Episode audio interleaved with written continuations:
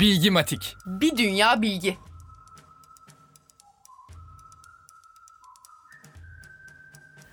...1886 yılında dünyaya gelen Karl von Frisch hayvanları çok seviyordu.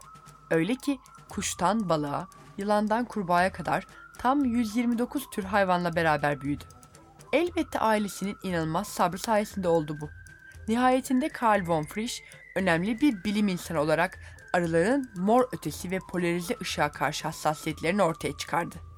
Ayrıca bal arılarının kendilerine özgü bir biçimde dans ederek kovanda birbirlerine nasıl bilgi aktardıklarını da çözdü. İşte bu başarısı sayesinde de 1973 yılının Nobel Fizyoloji veya Tıp ödülünü alarak tarihe geçti.